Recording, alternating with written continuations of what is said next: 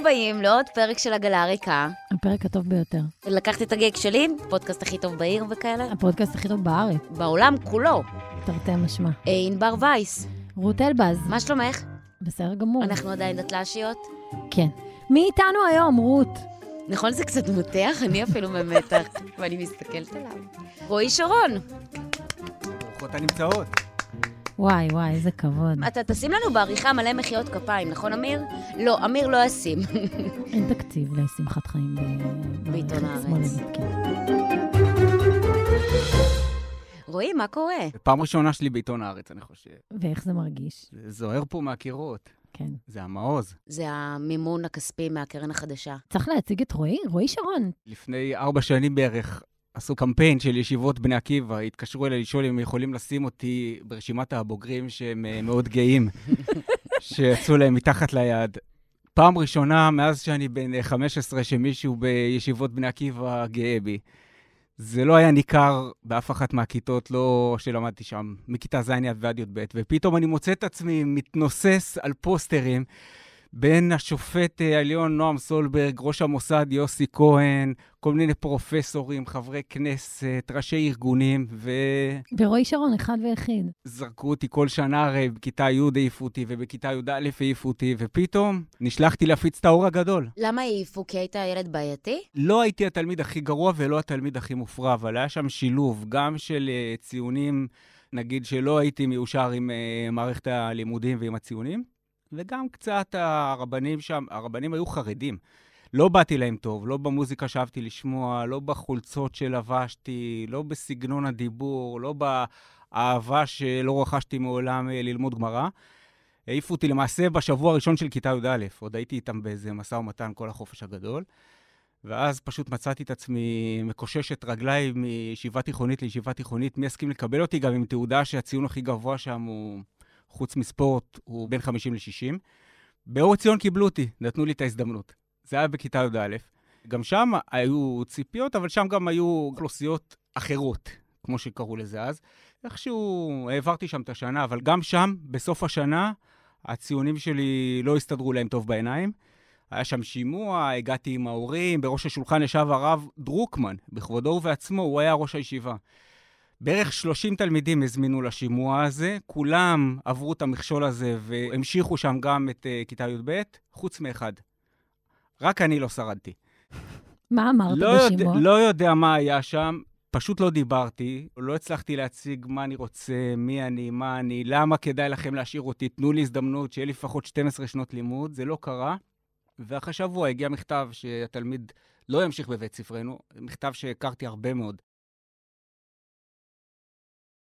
אני זוכר את עצמי מכיתה ז', שזה בערך השנה שהתחלנו ללמוד uh, גמרא, לא מבין מילה, עד היום אני לא מבין אות אחת בארמית.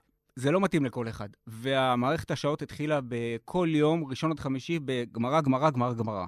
אחרי זה, אם נשאר קצת אנרגיה וקצת קשב, אז גם למקצועות כמו מתמטיקה, אנגלית, גיאוגרפיה, לא שהייתי מצטיין מעולם באף אחד מהמקצועות האלה, אבל הגמרא, הגמרא הזה ריסק לי את המוח. וזה היה מכיתה ז' עד י"ב.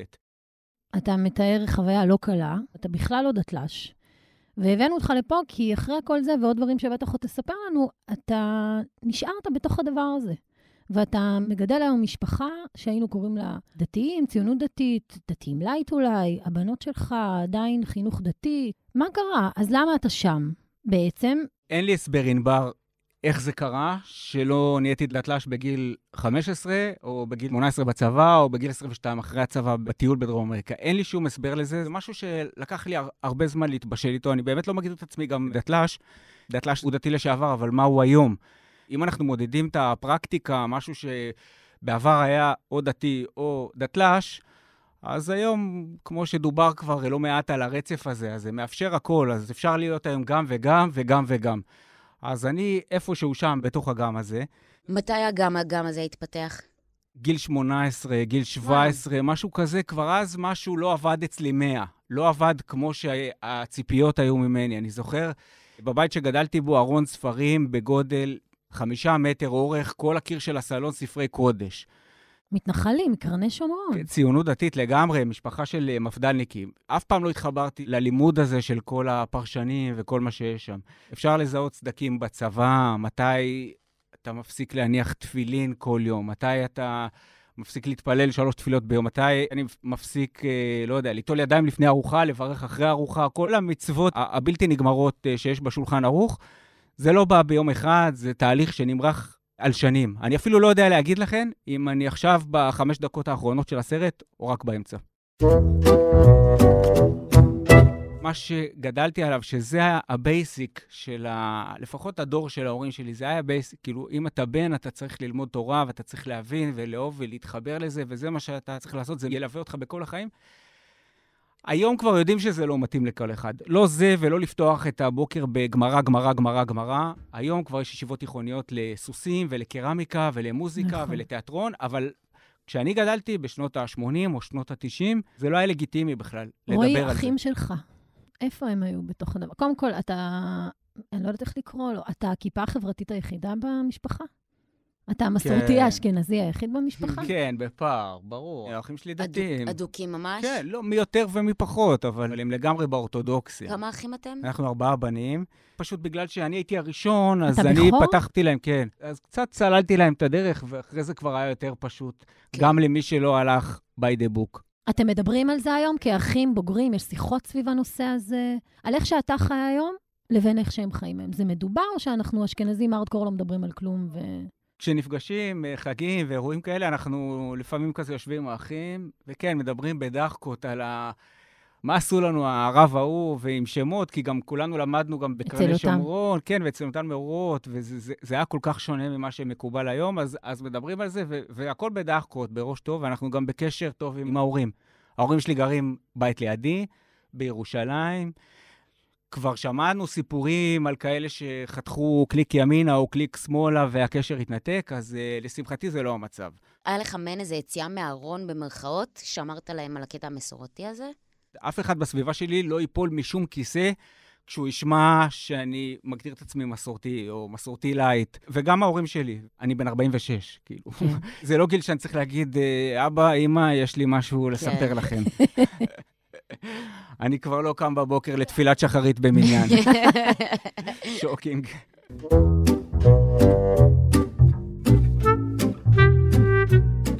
אני רציתי שאנחנו נעשה את הפרק הזה, כי אני חושבת שזו תופעה מאוד מאוד רחבה היום בציונות הדתית. ולמרות שאתה לא דתל"ש, אנחנו קראנו לזה הכיפה החברתית. הכיפה השקופה, זאתי שנמצאת על הראש כי זה נוח, כי זה מתאים, כי כל הדברים האחרים שהקהילה הדתית מאפשרת לך, שהם לא ארון הספרים היהודי ונוטל ידיים ושלוש תפילות ביום, לשם אתה כן מתחבר. ואני זוכרת שגם הייתה לפני כמה שנים כתבה, כשהתחילו הדברים האלה לצאת החוצה, הדתיים שמסמסים בשבת, פתאום הציונות הדתית התחילה להגיד בקול כל מיני דברים שהיא לא העיזה להגיד כשאנחנו היינו ילדים. את יודעת, בכתבה הזאת, של רחלי מליק בודה, במקור ראשון הייתה ב-2012, אני חושב, על המסמסים בשבת, הייתי אחד המרואיינים שם. ושם הצהרתי על עצמי, אני חושב, בפעם הראשונה כמסורתי. עדיין לא הבנתי כל כך מה זה אומר, היה לי פשוט פאנץ' טוב, אמרתי, למה אם אתה מזרחי אתה יכול להיות מסורתי, ואם אתה אשכנזי שמחפף, אז ישר אתה חייב להיות או קונסרבטיבי או, או, או רפורמי, ואין לי בכלל מבטא אמריקני, אז למה שאני רפורמי? מסורתי אשכנזי זה משהו שהוא... חדש. זה, זה, זה, כן, זה מוטציה חדשה יחסית בתוך המרחב הדתי. מה זה מסורתי? במה הוא מסורתי? הרי אני לא יכול להגיד שגדלתי... עם uh, קידוש וברקע רואים uh, טלוויזיה, או הולכים לבית כנסת ואז נוסעים לים. בטח לא גדלתי ככה. גם היום אני לא ככה, אז במה אתה מסורתי? לדוגמה, אני עדיין אומר עבירות ולא אומר חטאים. מי שמכיר את השפה יודע שיש בזה עניין להגיד עבירות. אני אומר אלוהים, חופשי, אבל אני לא אומר את שם השם, המפורש. את יודעת, אני גם מציץ על הכוהנים. אני לא מסתכל ברצף. אני כבר יודע שלא מתעוורים מזה. אני לא מניח תפילין, אבל אני יודע איפה הם. ובאירועים מיוחדים אני כן מניח אותם. איפה החיבורים אלוהים? איפה זה נמצא? בראש השנה אני אומר חג שמח. למרות שזה לא מקובל, אצל הדתיים לא אומרים חג שמח, אומרים גמר חתימה טובה, כי זה יום הדין עכשיו. זה תמיד הפריע לי שיש איזה דיסוננס בין הלחץ והחרדות שיש בתפילה עם הספר הפתוח, שמסכם לך את כל העבירות שעשית בשנה האחרונה, ואתה צריך לבוא להתוודות עם רשימת מכולת עמוסה מאוד, ארוכה מאוד, ואתה צריך לבקש סליחה אחד-אחד, ואתה יודע שלמעלה יש מישהו שמסמן לך עם מה אתה ממשיך לשנה הבאה, על מה מוכלים לך, ואז אחרי כל הלחץ והחרדות והאיסורים שיש לך בתפילה, ובאמת זה פנים מיוסרות כאלה, ואז אתה הולך הביתה ומפרק בקבוק יין ואסדו וחגיגה. אז אנחנו בחג או שאנחנו במשפט? היום אני יותר יכול להבין את זה, כשאני לוקח את הילדות, נגיד, בראש השנה לבית כנסת, וקריאת התורה, ותפילות, ותקיעת שופר כמובן, זה חלק מהחוויה היהודית שלי, אבל החוויה היהודית שלי היא לא מהמצוות שכתובות בשולחן ערוך. אני מאמין באלוהים, אני לא מאמין בשולחן ערוך. אם הן יהיו דתל"שיות, רועי? יכול להיות שהן יהיו דתל"שיות. זה לא מופרך היום, גם לא היה מופרך לפני 20 שנה. יש מסביבנו בלי סוף דתל"שים ודתל"שיות. אבל הייתי שמח שהם יישארו על הרצף הדתי איפשהו. תמיד אומרים על האלה שנוסעים לחו"ל, ונולדים להם ילדים בארצות הברית, והם רוצים שיהיו להם ילדים יורדים, ישראלים, הם לא רוצים שיהיו להם ילדים אמריקאים. אמריקאים. כן, קודם כל, אז הילדות שלי הם בחינוך דתי, אז יהיה להם את השורשים, יוכלו להחליט לבד, יגיעו לגיל 18, כל אחת תמצא את דרכה, אבל לפחות יהיה לה את היסודות. ופה זה כן החלק מהזהות שלי. זה לא חוויה דתית כתוצאה משמירת מצוות, אבל אני חלק, אני מרגיש יהודי, וגם חלק מהעולם הדתי. אני לא יודע לשים בדיוק את הנקודה שלי, איפה אני על הרצף, אבל אני שם. מה שאנחנו קוראים היום דתיים לייט, היית קורא להם מסורתיים אשכנזים? דתיים שנשארו בשביל המאמרים, מה שנקרא. אני חושב שכל מי שהוא לא דתי, תורני, חרד"לי, קלה כבחמורה, הוא יותר במרחב של המסורתי, כי הוא מרשה לעצמו לעשות, הוא מפעיל שיקול דעת. הוא לא מחויב לאותיות הקטנות שכתובות בשולחן ערוך. אני אף פעם לא הייתי באסכולה הזאת של הקלה כבחמורה, איפה שגדלתי. ההורים שלי כן. קלה כבחמורה זה... אין מצווה חשובה ומצווה לא חשובה. היהדות, בעולם שבו אני גדלתי, היא דרך חיים. יש את המשל הזה על ה... מכונת כביסה. על... יפה, ענבר. כששואלים אה, דתיים, תמיד זה מה שלימדו אותנו לענות, דמה תשיב, במסגרת אה, שיעורי דמה תשיב לאפיקורס. אז היו אומרים לנו, מה, מי אמר לכם שזאת הדרך הנכונה וככה צריך לחיות? אז היינו אומרים, הקדוש ברוך הוא ברא את העולם, והעולם הוא כמו מכונת כביסה, וכמו שאתה לא תפעיל מכונת כביסה בלי לקרוא את הספר הוראות, אתה לא תחיה בעולם בלי uh, להתקיים עם הוראות שהקדוש ברוך הוא נתן. כי היהדות שזה... היא דרך חיים. נכון. היא לא קודקס של uh, חוקים, כמו שנראה לפעמים בשולחן ערוך. היא דרך חיים. כשאני גדלה במשפחה שהיא יחסית מסורתית, וזה מה שמנגישים לי, יש משהו אחד בזה. אבל כשאתה מתחיל מלמעלה ויורד בפירמידת מאסלו, מה אתה משחק אותה? אתה מתכחש? אה, אתה לא אוהב את uh, יוסף קארו, uh, שולחן ערוך. מה, אתה רוצה לבחור את זה? אולי לא תבחר את זה, אולי בעצם אל תבחר את זה. אתה מב... לא יכול אני לבחור. אני מבין מה את אומרת, ועל זה בדיוק אני מערער. אני יודע שאני עושה פה משהו בניגוד לחוקים. החוקים מאוד ברורים.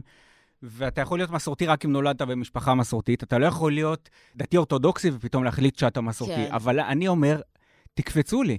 מה שהיה פעם נגמר, ואני יכול להגיד, ואף אחד לא ימגדר אותי, ואף אחד לא יגיד לי אם אני דתי או דתל"ש, ואני גם מאמין באלוהים, וגם חלק מהמצוות שומר, וחלק מהמצוות לא שומר, ומתי שנוח לי אני כן, ומתי שלא נוח לי אני לא. ואיפה הדיסוננס? ואני גם הולך לבלוק, וגם הולך לבית כנסת, וגם יושב במהדורה, אני לא רואה סתירה, וגם אני בלי כיפה, וגם אני עם כיפה, וגם ארץ ישראל, וגם זכויות אדם, וזה לא נראה לי מופרך. מה שפעם היה נראה בלתי אפשרי, היום, סליחה, לכל מי שניסח פה את הכללים בחמישים שנים האחרונות, זכותי להחליט אחרת. מה הגבולות שלך? איפה הקווים האדומים שאתה מותח? כי יש הבדל בינך לביני, רועי. ואם הייתי צריכה לציין, נגיד, שני הבדלים משמעותיים, זה שאתה לא נוסע בשבת, ושאתה לא אוכל טרפות ונבלות. כאילו, כשרות ושבת, וחמץ, נגיד, בפסח, שזה תחת הגדרת כשרות, זה כאילו... שוב, אנחנו חוזרים לאותיות הקטנות, זה כבר פחות מדבר. אני לא אוכל חמץ, אני לא אוכל גם חזיר.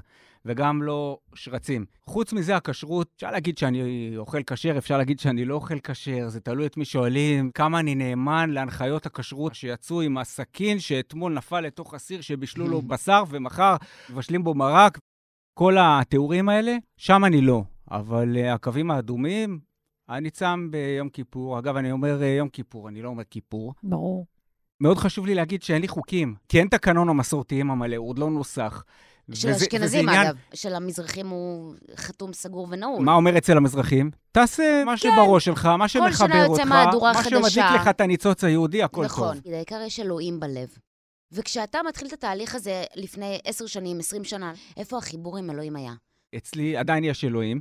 לא קמתי אף בוקר ואמרתי, אני לא מאמין באלוהים, אבל אני לא זוכר מתי זה היה, אם זה היה באמת לפני 20 שנה או לפני 15 שנים, מתישהו הגעתי למסקנה שאני לא מתחבר לסיפור של הפרקטיקה, של השכר והעונש, שאם עכשיו... אז למה לא לעזוב הכל? אין לי תשובה רציונלית, אין פה משהו קוהרנטי, זה משהו שאני מרגיש, זה עניין של רגש, זה לא נכון ולא נכון, זה משהו שנוח לי, שאני גם מאמין באלוהים וגם לא שומר על uh, כל המצוות.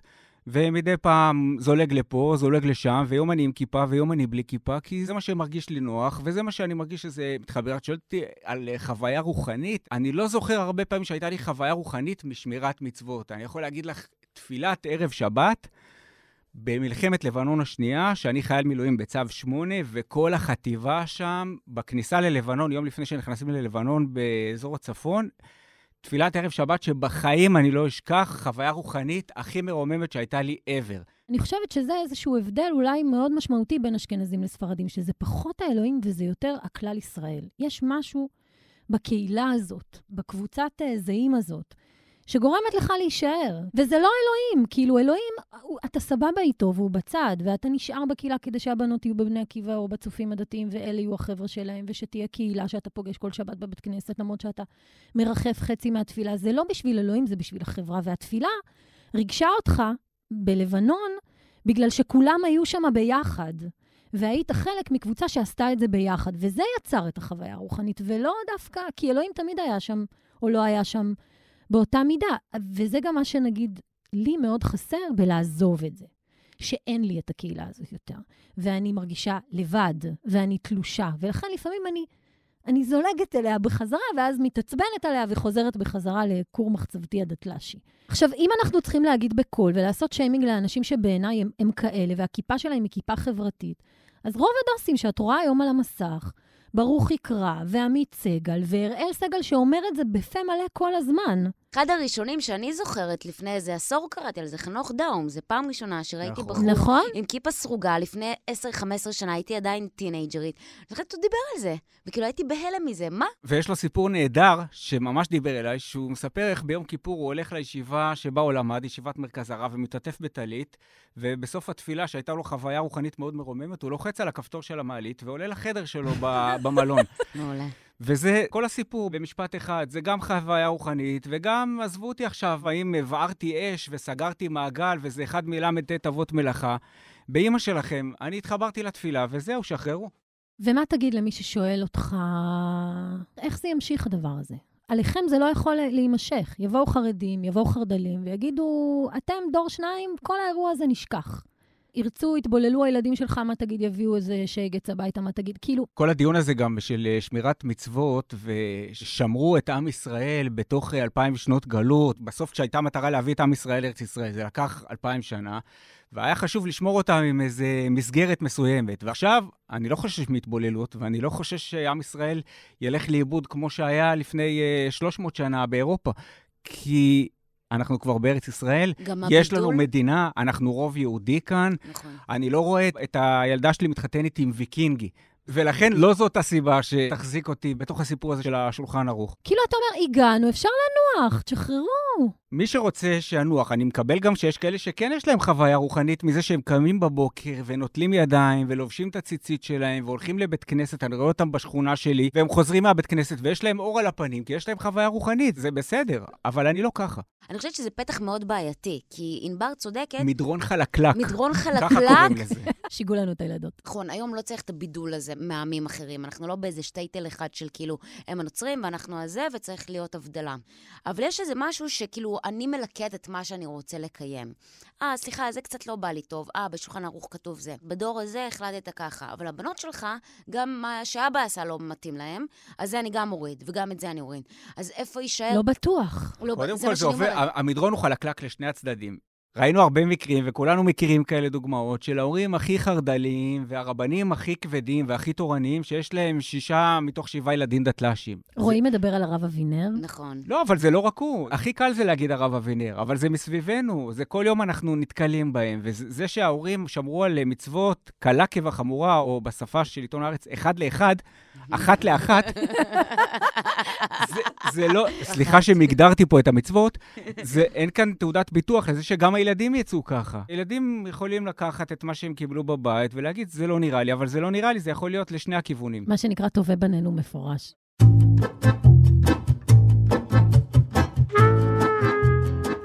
לא נולד אצלי אף פעם אנטיגוניזם, משהו מובהק כזה שהיה על השולחן ואמר, די, אני לא רוצה את זה, אני הפוך משם.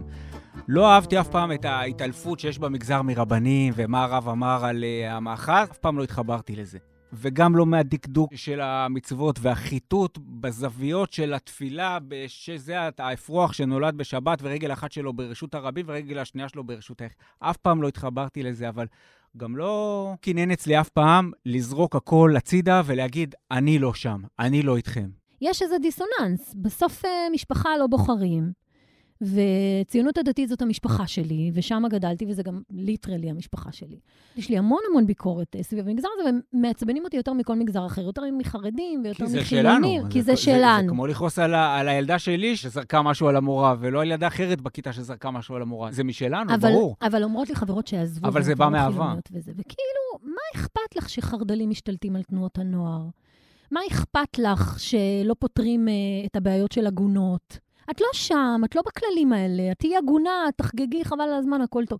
זה נכון, ועדיין זה אכפת לי. כאילו עדיין הייתי רוצה לשנות אותם בתוך מסגרת ההלכה. אתה, אתה מבין? כל מיני כאלה, וזה כאילו mindfuck. אני כאילו תקועה בתווך הזה, במסדרון הדתל"שי. אולי אני צריכה לעזוב את ירושלים. קודם כל, כולם צריכים לעזוב את ירושלים. כיכר שם. שונאת את העיר הזו.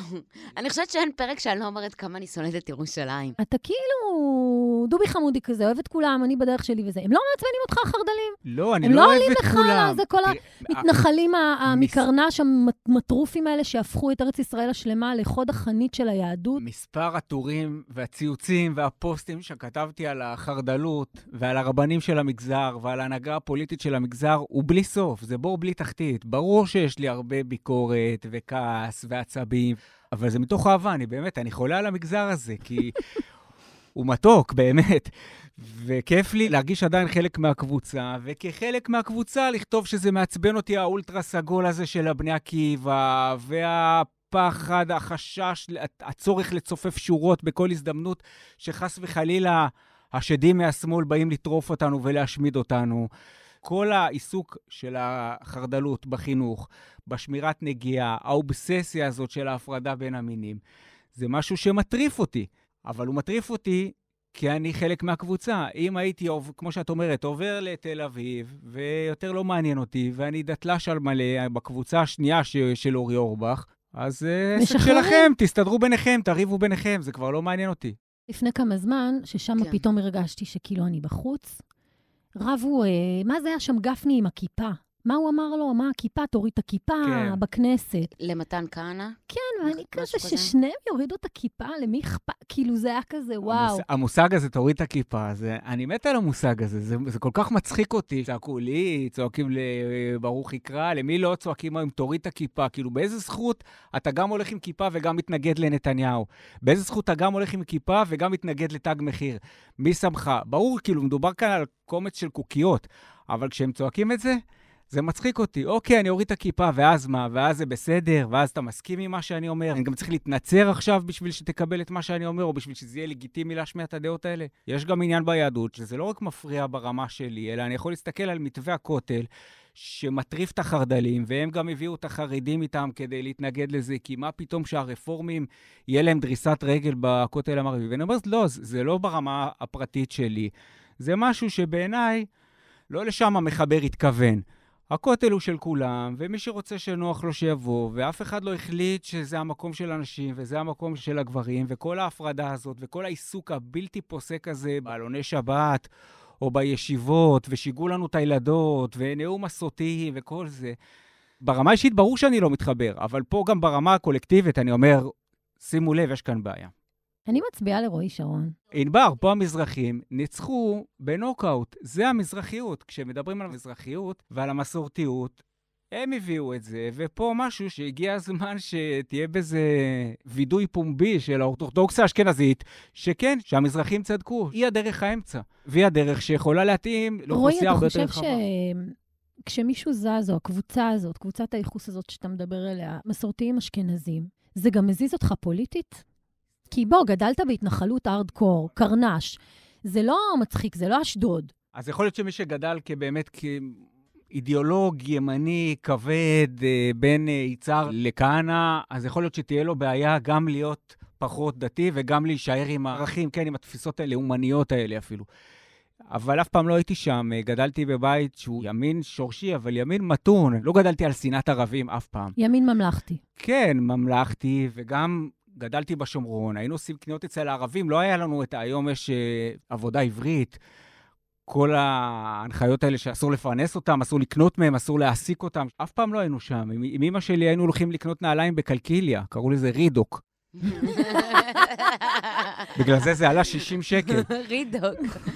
זה מעולה. והיינו עושים קניות בכפר ממול, בכפר לעקב, ואימא שלי, גם כשהתחילה האינתיפאדה, אני זוכר שהיא אספה פעם טרמפיסטית פלסטינית שעמדה עם סלים, לא גדלתי על שנאת ערבים, ולכן לא היה לי צורך להתעמת עם זה ולהגיד, אוקיי, אני עכשיו פחות ימני. לא, זכויות אדם זה משהו שדיבר אליי מאז ומתמיד, וגם אם עכשיו אני אצטרך להצביע בעד ונגד פינוי התנחלויות, חד משמעית, אני עדיין בנגד פינוי התנחלויות. חד משמעית, אני עדיין שם, זה לא הפך אותי לאיש שמאל. ולכן אני חושב שיש כן אוכלוסייה, הקבוצה הזאת, שרובנו לא גדלנו ביצהר ולא בכפר תפוח של כהנא בשנות ה-90, שלא צריך להתמודד עם זה כל בוקר ולהגיד, רגע, אני פחות דתי, אז זה אומר שאני עכשיו פחות ימני. ברור שיש כאלה שזה כן עושה להם את הטוויסט.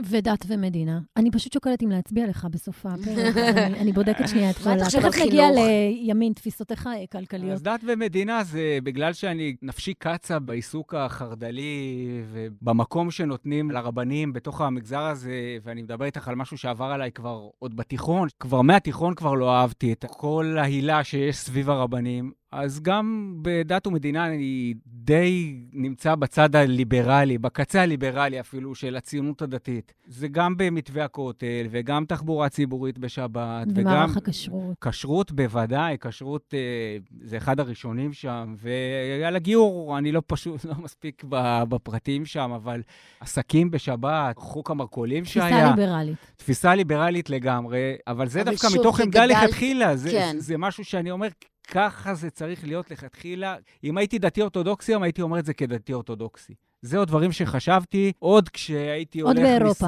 כן, עוד בקרני ולוב. שומרון. תיבנה ותיכונן.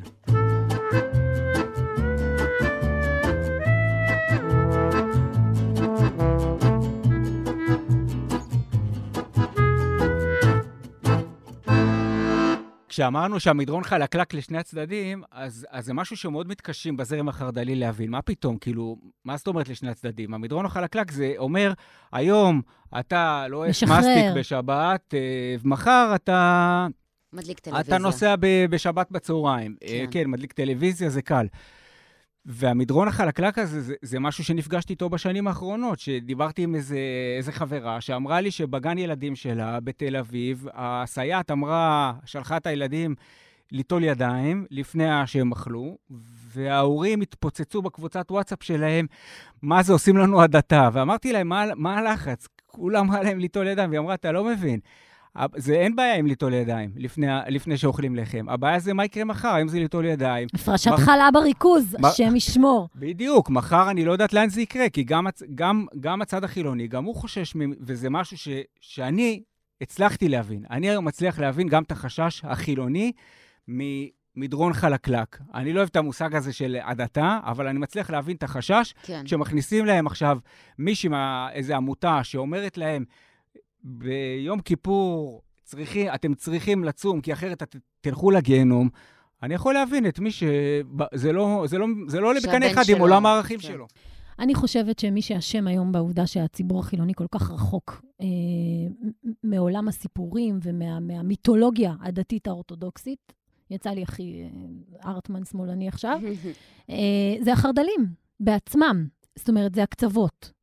הם הביאו הקצוות משני הצדדים, הם אלה שזה. ודווקא באמת אולי המסורתיות, ולא הדתל"שים, אלא דווקא המסורתיות האשכנזית, ואולי גם עם הדתל"שים בעידוד מבחוץ, יצליחו להחזיר איזו שפיות לשני הצדדים. אני, אני לא יודעת, יכול להיות, אתה מכיר את זה, אורי אורבך, אם כל הדתיים היו כמוך, נכון, אם כל הדתיים היו כמוך, אם כל הדתיים היו אורי אורבך, כבר מצבנו היה יותר טוב. נכון, ואם אני חושב, אם הוא היה פה היום, הוא היה פותר לנו כל כך הרבה בעיות במגזר הכי מסוכסך שיש כנראה במזרח התיכון, ואנחנו במזרח התיכון, והוא היה מצליח להתמודד עם זה, לג'נגל את כל ה-20 כדורים שיש כרגע באוויר, רק בתוך הציונות הדתית. וזה משהו שחסר היום. אתה חושב שנפתלי הוא גם כן כיפה חברתית? זה הדבר שהכי הטריף את הרבנים החרד"לים עוד ב-2012, כשהוא נכנס עם המשהו חדש מתחיל, והבית היהודי, ואז אמר עליו אחד הרבנים מהזרם החרד"לי, איך הוא הולך ברחוב עם הכיפה הקטנה שלו ומחבק את אשתו בפרהסיה. זה הטריף אותם. אחד הרעיונות הראשונים שלו, אני לא אשכח את זה, באחד מהעלוני בית כנסת, שאלו אותו, אתה תתייעץ עם רבנים? אז הוא אמר, אני מתייעץ עם משפטנים, אני מתייעץ עם אנשי צבא, אני מתייעץ עם רבנים, אני מתייעץ עם חוקרים. הוא שם את הרבנים באותה רשימה של כולם, הוא אמר, אני מתייעץ איתם, אבל את ההחלטות אני אקבל לבדי, בעצמי. זה משהו שהוא ניפוץ כל משוגע. מה שהיה מקובל עד אז, שהמנהיג הפוליטי של הציונות הדתית הולך בסוף לרב, לא משנה אם זה הרב דרוקמן או הרב טאו או רב כלשהו אחר, והוא בסוף אומר לו להצביע בעד בכנסת, או אתה תצביע נגד. בלילה כשבנט נבחר, ניצח את זבולון אורלב, אני צייצתי בטוויטר, קבלו את המסורתיים האשכנזים. עוד לא הבנתי בדיוק עד הסוף למה אתה התכוונתי? אבל זה היה ברור לי, כי קראתי וכן עקבתי. בגלל שהייתי כתב שטחים, הכרתי את בנט כשהוא היה מנכ"ל מועצת יש"ע, ויצא לי להיפגש איתו, והבנתי את המהלך הזה שזבולון אורלב זז הצידה, ונכנס בנט עם הכיפה הקטנה שלו, ועם זה שהוא... אשתו מת- עם מת- גופיית ספגטי. מתחבק עם המנכ"לית ההיא מההייטק, הגופיית ספגטי, כמו ששרה נתניהו אמרה כן. לאשתו. ואמרתי, עכשיו המרחב הזה נפרץ, וזה מרחב חדש שאפשר להכיל בו גם את הדתיים האורתודוקסים, וגם את הדתיים המסורתיים, וגם את הדתיים הדתל"שים, וכולם יכולים להצטופף תחת הכותרת הזאת, ציונות דתית. עידן חדש מתחיל. אגב, בסוף התאכזבתי ממנו ברמה הפוליטית, כי בסוף הוא כן הלך לרבנים. כי הוא גם מתייעץ עם בוחריו, ואז מחליט מה לעשות על סמך דעתו, אבל... אה, בסדר. אין לא, אני זוכר. שבבחירות לרבנות הראשית, הוא ויתר. הם היו יכולים להכתיר את הרב דוד סתיו כרב ראשי, נכון, אבל הם פחדו. בסוף מהרבנים החרד"לים, ולא הרחיבו את. הגוף, הגוף הבוחר. בסדר, אבל זה שהציונות לזה. הדתית פלסט האשכנזים המסורתיים הם האישה העמוקה של החרדים, זה כולם יודעים, אנחנו האישה העמוקה שלהם, בכיף. אנחנו. אתם, אתם האישה העמוקה שלהם, בסוף תמיד מתקפלים. זה באמת מגזר נורא מסוכסך, זה נכון. מגזר מאוד מאוד מאוד הוא צריך מסוכסך. פסיכולוג. בסוף ביום הדין, בסוף חרדים, וגם הם מגזר מאוד מסובך ומסוכסך. הסלוגן הכי טוב לבחירות אי פעם ששמעתי זה ברגע האמת רק ג'. אין אות אחרת. אבל בסוף זה שם. הרב, מה ואצלנו- שהרב אומר. בצלאל מתפצל לארבע, נפתלי מתפצל לחמש, יש מלא דוסים שרצים בכחול לבן, כל מיני חילי טרופרים ויועז הנדלים כאלה, ואין אין, אין ראש חץ. כי זה לא מתכנס. כי אנחנו, ברגע האמת, אין בית. השאלה אם זה סיפור הצלחה או שזה כישלון, מה שאת אומרת עכשיו. זה להיות- סיפור הצלחה להיות- דמוקרטי, אבל יכול זה להיות- כישלון פוליטי לא, בעיניי. יכול להיות שזאת ההצלחה, שהמגזר הזה כל כך שגשג וכל כך הצליח, שהוא נמצא היום בכל מקום, לא רק בצבא, וגם הוא פלורליסטי הרבה הוא יותר. נמצא בכל מקום, גם, ב, גם בשדה הפוליטי, וגם. בחברתי, וגם בתרבותי, ויש כאלה שהם, כל החיים שלהם, הם עוסקים בתורה מהבוקר עד הלילה, ויש כאלה שזה לא מעניין אותם בכלל, וכולם תחת אה, הכיפה הסרוגה, או, או הצמד מילים של הציונות הדתית. לשם הרב קוק שלח אותנו. את מבינה למה אני רוצה להיות כבר בת 45? כי עד היום את עושה רק מה שמצפים ממך. כן. כן, חכה, תראה, אתה לא מבין מה אתה מחכה. עוד לא ראית כלום. עוד לא ראית כלום.